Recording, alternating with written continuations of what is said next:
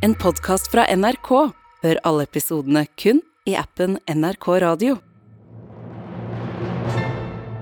Landets største kunstner er i vinden som aldri før. Den eh, første norske spillefilmen om Edvard Munch kommer nå, nesten 80 år etter kunstnerens død. En årelang prosess er i eh, mål. Det nye Munch-museet skal snart åpnes. Miljøaktivister har eh, forsøkt å lime seg fast til Nasjonalmuseets utgave av Skrik.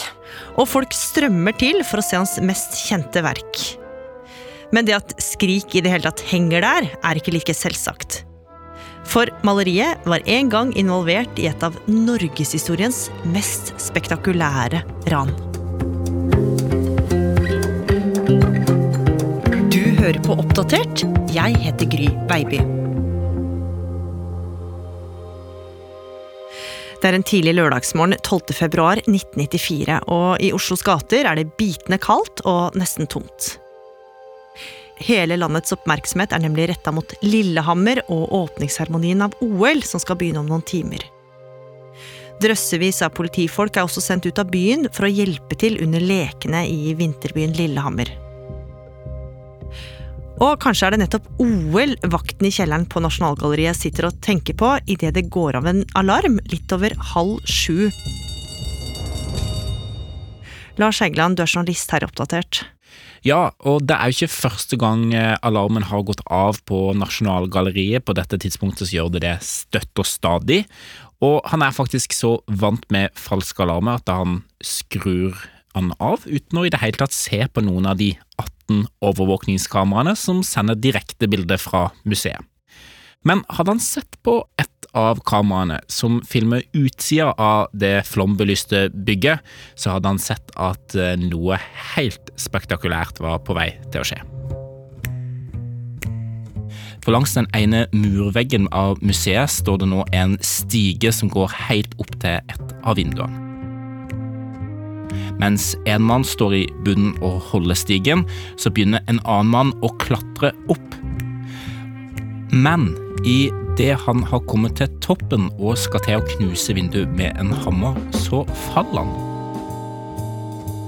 Han ramler mange meter, og det må ha gjort det veldig vondt, for det er langt ned, men han reiser seg igjen og tar på nytt fatt på trinnene opp mot vinduet, som han knuser, og han kommer seg inn i museet. Bare 50 sekunder senere er mannen tilbake i vinduet, og nå har han det som ser ut som et stort maleri mellom hendene. Og sakte, men sikkert så begynner de to å fire dette ned stigen.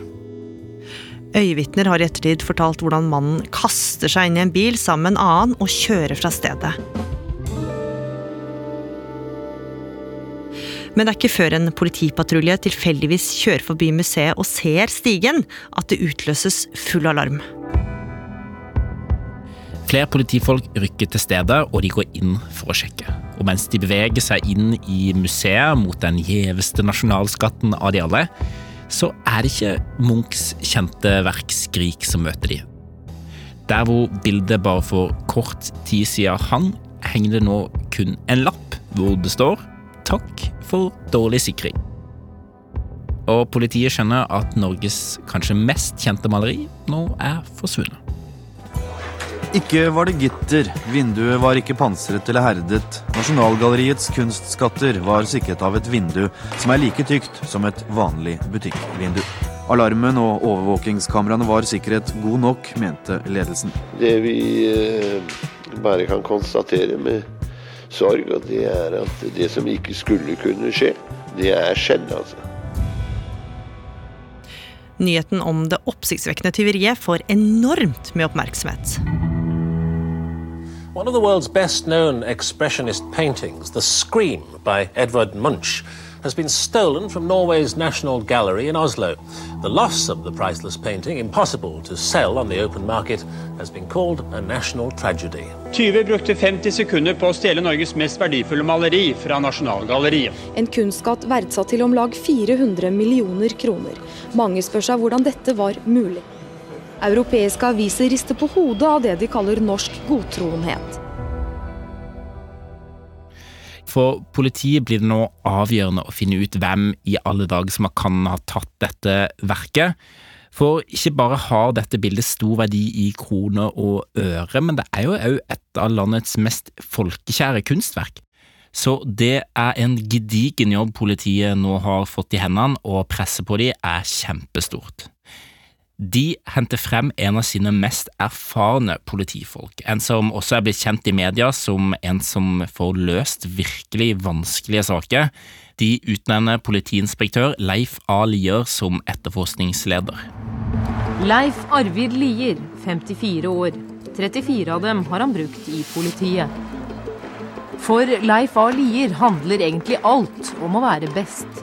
Ja, jeg ser ingen grunn til at man ikke skulle være best. Hvis man ikke forsøker å gjøre sitt beste og bli best, så gjør man en dårlig jobb. Og Lier han får fort en mistanke om hvem det er som kan stå bak. Ja, måten ranet er gjort på gjør at Lier mistenker en helt spesiell mann, nemlig kunsttyven Pål Enger. Han er bare 27 år, men har lenge vært kjent som en yrkeskriminell i Oslo og var en av lederne i den berykta Tveita-gjengen. Han er kjent for å være frekk og freidig i sine tyverier, og er ikke redd for å utføre spektakulære ran. Og tida dette ranet ble gjort på, og lappen som lå igjen, mener jo Lier nå at eh, lukter et klassisk Enger-ran. Og Enger han har jo faktisk prøvd å stjele Skrik før, i 1988, men da ble han så forvirra inne på museet at han kun klarte å få med seg det litt mindre kjente Munch-maleriet Vampyr.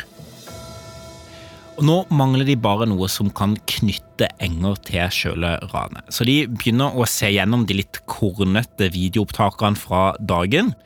Men opptakene er så dårlige at det er verken mulig å se hvilken bil de bruker, eller hvordan disse tyvene så ut. Så det sporet blir fort dødt. Men selv om opptakene fra selve dagen ikke gir politiet noe, så skal en litt annen taktikk vise seg å gi resultater, Lars. Ja, for når Leif A. Lier og hans politikollega begynner å se gjennom opptakene i dagene og ukene før tyveriet, så oppdager de noe veldig interessant. For der kan man se Pål Enger spankulere rundt inne på museet som ingenting. Og han går rundt og kikker på maleriene og ser tilsynelatende ut som en vanlig museumsgjest. Men selv om han har vært observert på museet i dagene og ukene før ranet, så har de jo ennå ikke noe som kan knytte han til sjøle tyveriet. Nei. Og på toppen av det hele får de nå et tips som gir hele etterforskninga en litt absurd vending. Ja, for inn på etterforskningsleder Liers kontor på politihuset i Oslo så kommer det en faks for dette var tida hvor man fortsatt brukte faks. Det var jo på en måte den tidas eh, e-post. Og ut av denne faksmaskinen så kommer det nå et bilde av noe som ligner på Skrik. Men midt i bildet så er det en neve foran munnen til Skrik som holder det som ser ut som et foster. Og under bildet så står det 'Hva har mest verdi? Et barn eller et bilde?' Og faksen den er underskrevet av den svært konservative presten og abortmotstanderen Børre Knutsen. Et barn i mors liv er atskillig mer verdt enn et bilde, selv om det er verdt 300 millioner kroner. Hvis vi skulle velge, så velger vi barnet. Det der bildet det kunne jeg brenne uten at det ville koste meg mye å gjøre det. Hm, veldig snodig. Ja, og Lier han skjønner kanskje at dette ikke vil lede de noen vei, men når media får nyss om tipset, så tolker jo mange dette som et hint om at denne Børre Knutsen kanskje vet noe om hvor Skrik er, og i et radiointervju så kobler Knutsen seg enda tettere til bildet.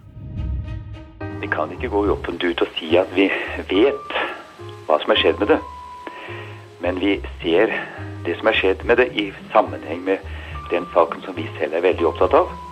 Er det noen av dine eh, meningsfeller som kan stå bak dette tyveriet?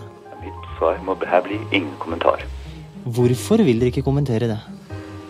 Ja, vi ser det slik at vi kan ikke være for åpne omkring det, rett og slett.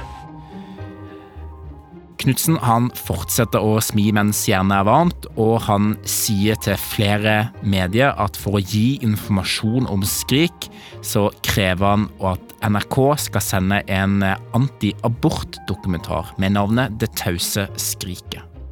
Så nå ser det ut for folk som at det er mulig å få en løsning på dette, og det får enorm oppmerksomhet både nasjonalt og internasjonalt. Men NRK nekter å sende filmen, og politiet og etterforsker Lier har jo egentlig liten tro på at denne abortmotstanderen skal løse gåten, eller at han veit noe som helst. Så tida går uten at det norske folk får et svar på hvor nasjonalskatten har tatt veien. Og etter hvert så begynner politiet å bli desperate, men så, Lars, kommer de opp med en ganske så finurlig plan. Ja, Leif Alier han kom til å tenke på noen kontakter han hadde i det britiske Scotland Yard. Det er en avdeling i det britiske politiet, og de har en egen avdeling som jobber med kunstkriminalitet. Og i Storbritannia har jo òg skriktyveriet fått bred dekning, så Scotland Yard de er veldig klare for å bistå, og sammen så legger de en finurlig felle. Ja. For politiet har nemlig et ess i ermet. De veit at det er nesten umulig å selge et maleri som Skrik uten at det vil vekke mye oppmerksomhet. Så nå vil de lokke tyvene ut fra hjemmestedene sine ved å late som om det er noen som er interessert i å kjøpe bildet under bordet. Scotland Yard de allierer seg med et museum i California i USA som blir med på denne planen. Og de vil lokke kriminelle som har eller kan vite noe om hvor Skrik er, til å gi lyd fra seg. Og gjennom kontakter i de kriminelle miljøene i Oslo blir det planta rykte om at museet i California ser på Skrik som en så stor kunstskatt at de er villige til å kjøpe bildet uten at politiet involveres, for så å donere det tilbake til Nasjonalgalleriet. Dette er jo selvfølgelig ikke sant, men de håper å lokke til seg tyverne på denne måten. Og Agenten fra Scotland Yard skal nå gå i forkledning og spille en ansatt ved dette museet, og skal forhandle med tyvene om de tar kontakt. Og Planen er å få tak i maleriet og samtidig avsløre hvem som står bak tyveriet. Og det går som politiet håper, kunsttyvene lar høre fra seg. Men Lars, de kontakter jo ikke museet i California, de kontakter heller en norsk kunsthandler. Ja, og grunnen til at de kontakter akkurat denne kunsthandleren, er nok kanskje fordi han er en fjern slektning av direktøren på Nasjonalgalleriet. Og nå får han en telefon av en som kaller seg Jan Olsen, en gammel kjenning av politiet. Og han har kjøpt dekkhistorier, og sier han kan formidle kontakt med tyverne og bistå med å selge bildet til museet i California. Og For å bevise at han snakker sant, så ber Olsen kunsthandleren om å følge med i Dagbladet de neste dagene. For der skal det komme et bevis. Og politiet, som jo følger dette fra sidelinja, blir nok over seg av begeistring når de noen dager senere får en bekreftelse på at Olsen, han snakker sant. I en åker i Nittedal, en drøy halvtimes kjøring utenfor Oslo, så blir det funnet en bit av ramma til Skrik. Og kort tid etter så blir det gjort flere funn. I går ble det funnet enda en bit av rammen til det stjålne Munch-maleriet 'Skrik'. Ved Nasjonalgalleriet er det stor bekymring for hvilken tilstand det 100 år gamle maleriet er i etter at rammen er tatt av. Og politiet får nå et håp om at kunstskatten snart er i trygghet. Så nå blir det satt opp et møte mellom kunsthandleren, den hemmelige agenten fra Scotland Yard og Jan Olsen, altså mannen som sier han representerer tyvene. Agenten fra Scotland Yard skal late som han er fra museet i California og vil kjøpe Skrik. Og med seg så har han en svær bag full av penger. Møtet skjer på Hotell Plaza midt i Oslo sentrum. Det er lange møter hvor det diskuteres frem og tilbake hvordan en overlevering kan finne sted. Og nervene er i høyspenn, for det dreier seg om store penger og salget av en nasjonal skatt. Men plutselig så skjer det noe veldig rart, for foajeen på hotellet den fylles opp med politifolk. Og alle de som sitter der rundt eh, dette bordet på møtet, de blir jo kjempestressa. Jan Olsen han tenker kanskje at nå er han blitt lurt. Men heller ikke agenten fra Scotland Yard har hørt om at det skal være en aksjon, og han kjenner jo til og med en del av de politifolkene som nå strømmer inn. Men det hele viser seg å være tidenes sammentreff, for ei gruppe fra Oslo-politiet skal helt tilfeldig ha seminar på Plaza Hotel denne dagen. Og eh, agenten fra Scotland Yard han skjønner at eh, Jan Olsen nå er stressa. Så for å berolige han, så velger han å ta han med på et eh, annet rom, og han viser alle disse pengene han har i bagen. Det er 500 000 pund. Men selv om Olsen får se pengene, så er han fortsatt stressa over alle politifolkene som nå fyller foajeen på Plaza, og han sier at overleveringa må skje på en annen måte. Olsen tar med seg kunsthandleren, og de to setter seg i en bil. De neste timene kjører de rundt i Oslo, mens de diskuterer hvordan overleveringa av bildet skal skje. I bilen så blir de to enige om at kunsthandleren han må dra alene for å hente dette bildet. Han setter av Olsen og blir bedt om å kjøre til en veikro en times kjøretur utenfor Oslo. Og Der blir han møtt av en mann med en stor, firkanta plate i hendene. He went over the fence and came back with um, a square thing with a blanket around. And he said, This is the painting. He didn't show it to me, he just placed it in the back of the car and jumped in beside me. And he said, Now we can start driving. Sammen kjører de videre til kunstforhandlerens hytte, og der får han for første gang se hva som skjuler seg bak i bilen. Der, inni teppet, ligger Skrik, og det viser seg at det er ekte. Nasjonalskatten er tilbake.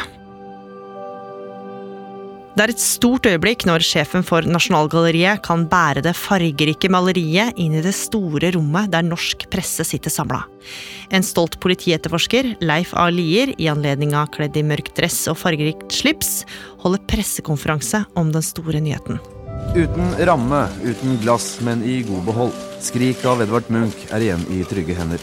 I nesten tre måneder har bildet vært på avveie. Klokken 11 i dag kom bildet til rette. Ifølge, og det tror jeg senere også dere kan snakke med konservatoren om, Leif Plater, som har sett på det, og som kommer med det om et lite øyeblikk, så er bildet ser ut til å være behandlet pent, og som han sa til meg. Han har bekreftet for meg i telefonen at det er det, det virkelige bildet, og det er pent behandlet og ikke skadet.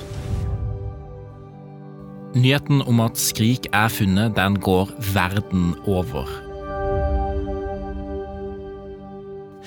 Og I løpet av de neste åra så blir det flere runder i retten, og Pål Enger han ender opp med å bli dømt til seks års fengsel for tyveriet. I begynnelsen så nekter Enger hardnakka for å ha vært med i ranet. Men noen år senere, i 2008, så innrømmer han at det faktisk var han som sto bak, men han hevder fortsatt at det ikke var han som var der på ransdagen. Lars, det er en ganske vill historie. Ja, den er ganske vill, og man kan jo bare se for seg hvor rart det hadde vært i dag om maleriene aldri kom tilbake. Men så er det jo sånn at det er lite sannsynlig. Et så kjent bilde som Skrik er jo nesten umulig å selge, og med to nye museer hvor de stiller ut uh, Munchs malerier, så er jo bildene òg sikrere enn noen gang. Men denne historien her har jo gjort at bildene til Munch har blitt mer myteomspunne, da? Ja, de har jo det, og nå i disse dager så ruller jo òg filmen om Munchs liv over norske filmlerretet, så at han og maleriene hans vil være med oss i lang tid, det er det jo liten tvil om.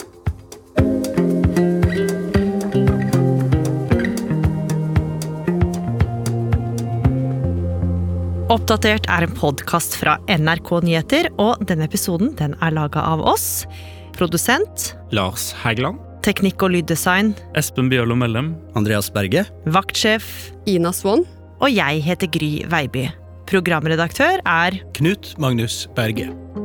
Klippene du har hørt, er fra BBC, TV 2 og NRK. Har du tips eller innspill, så må du gjerne sende oss en e-post. Adressen er oppdatert krøllalfa nrk.no.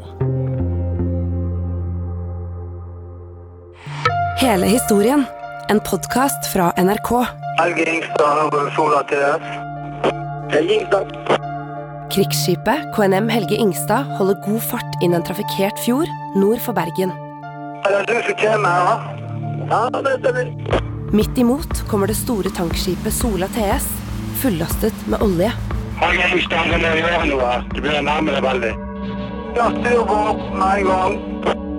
Havariet KNM Helge Ingstad hører du i appen NRK Radio.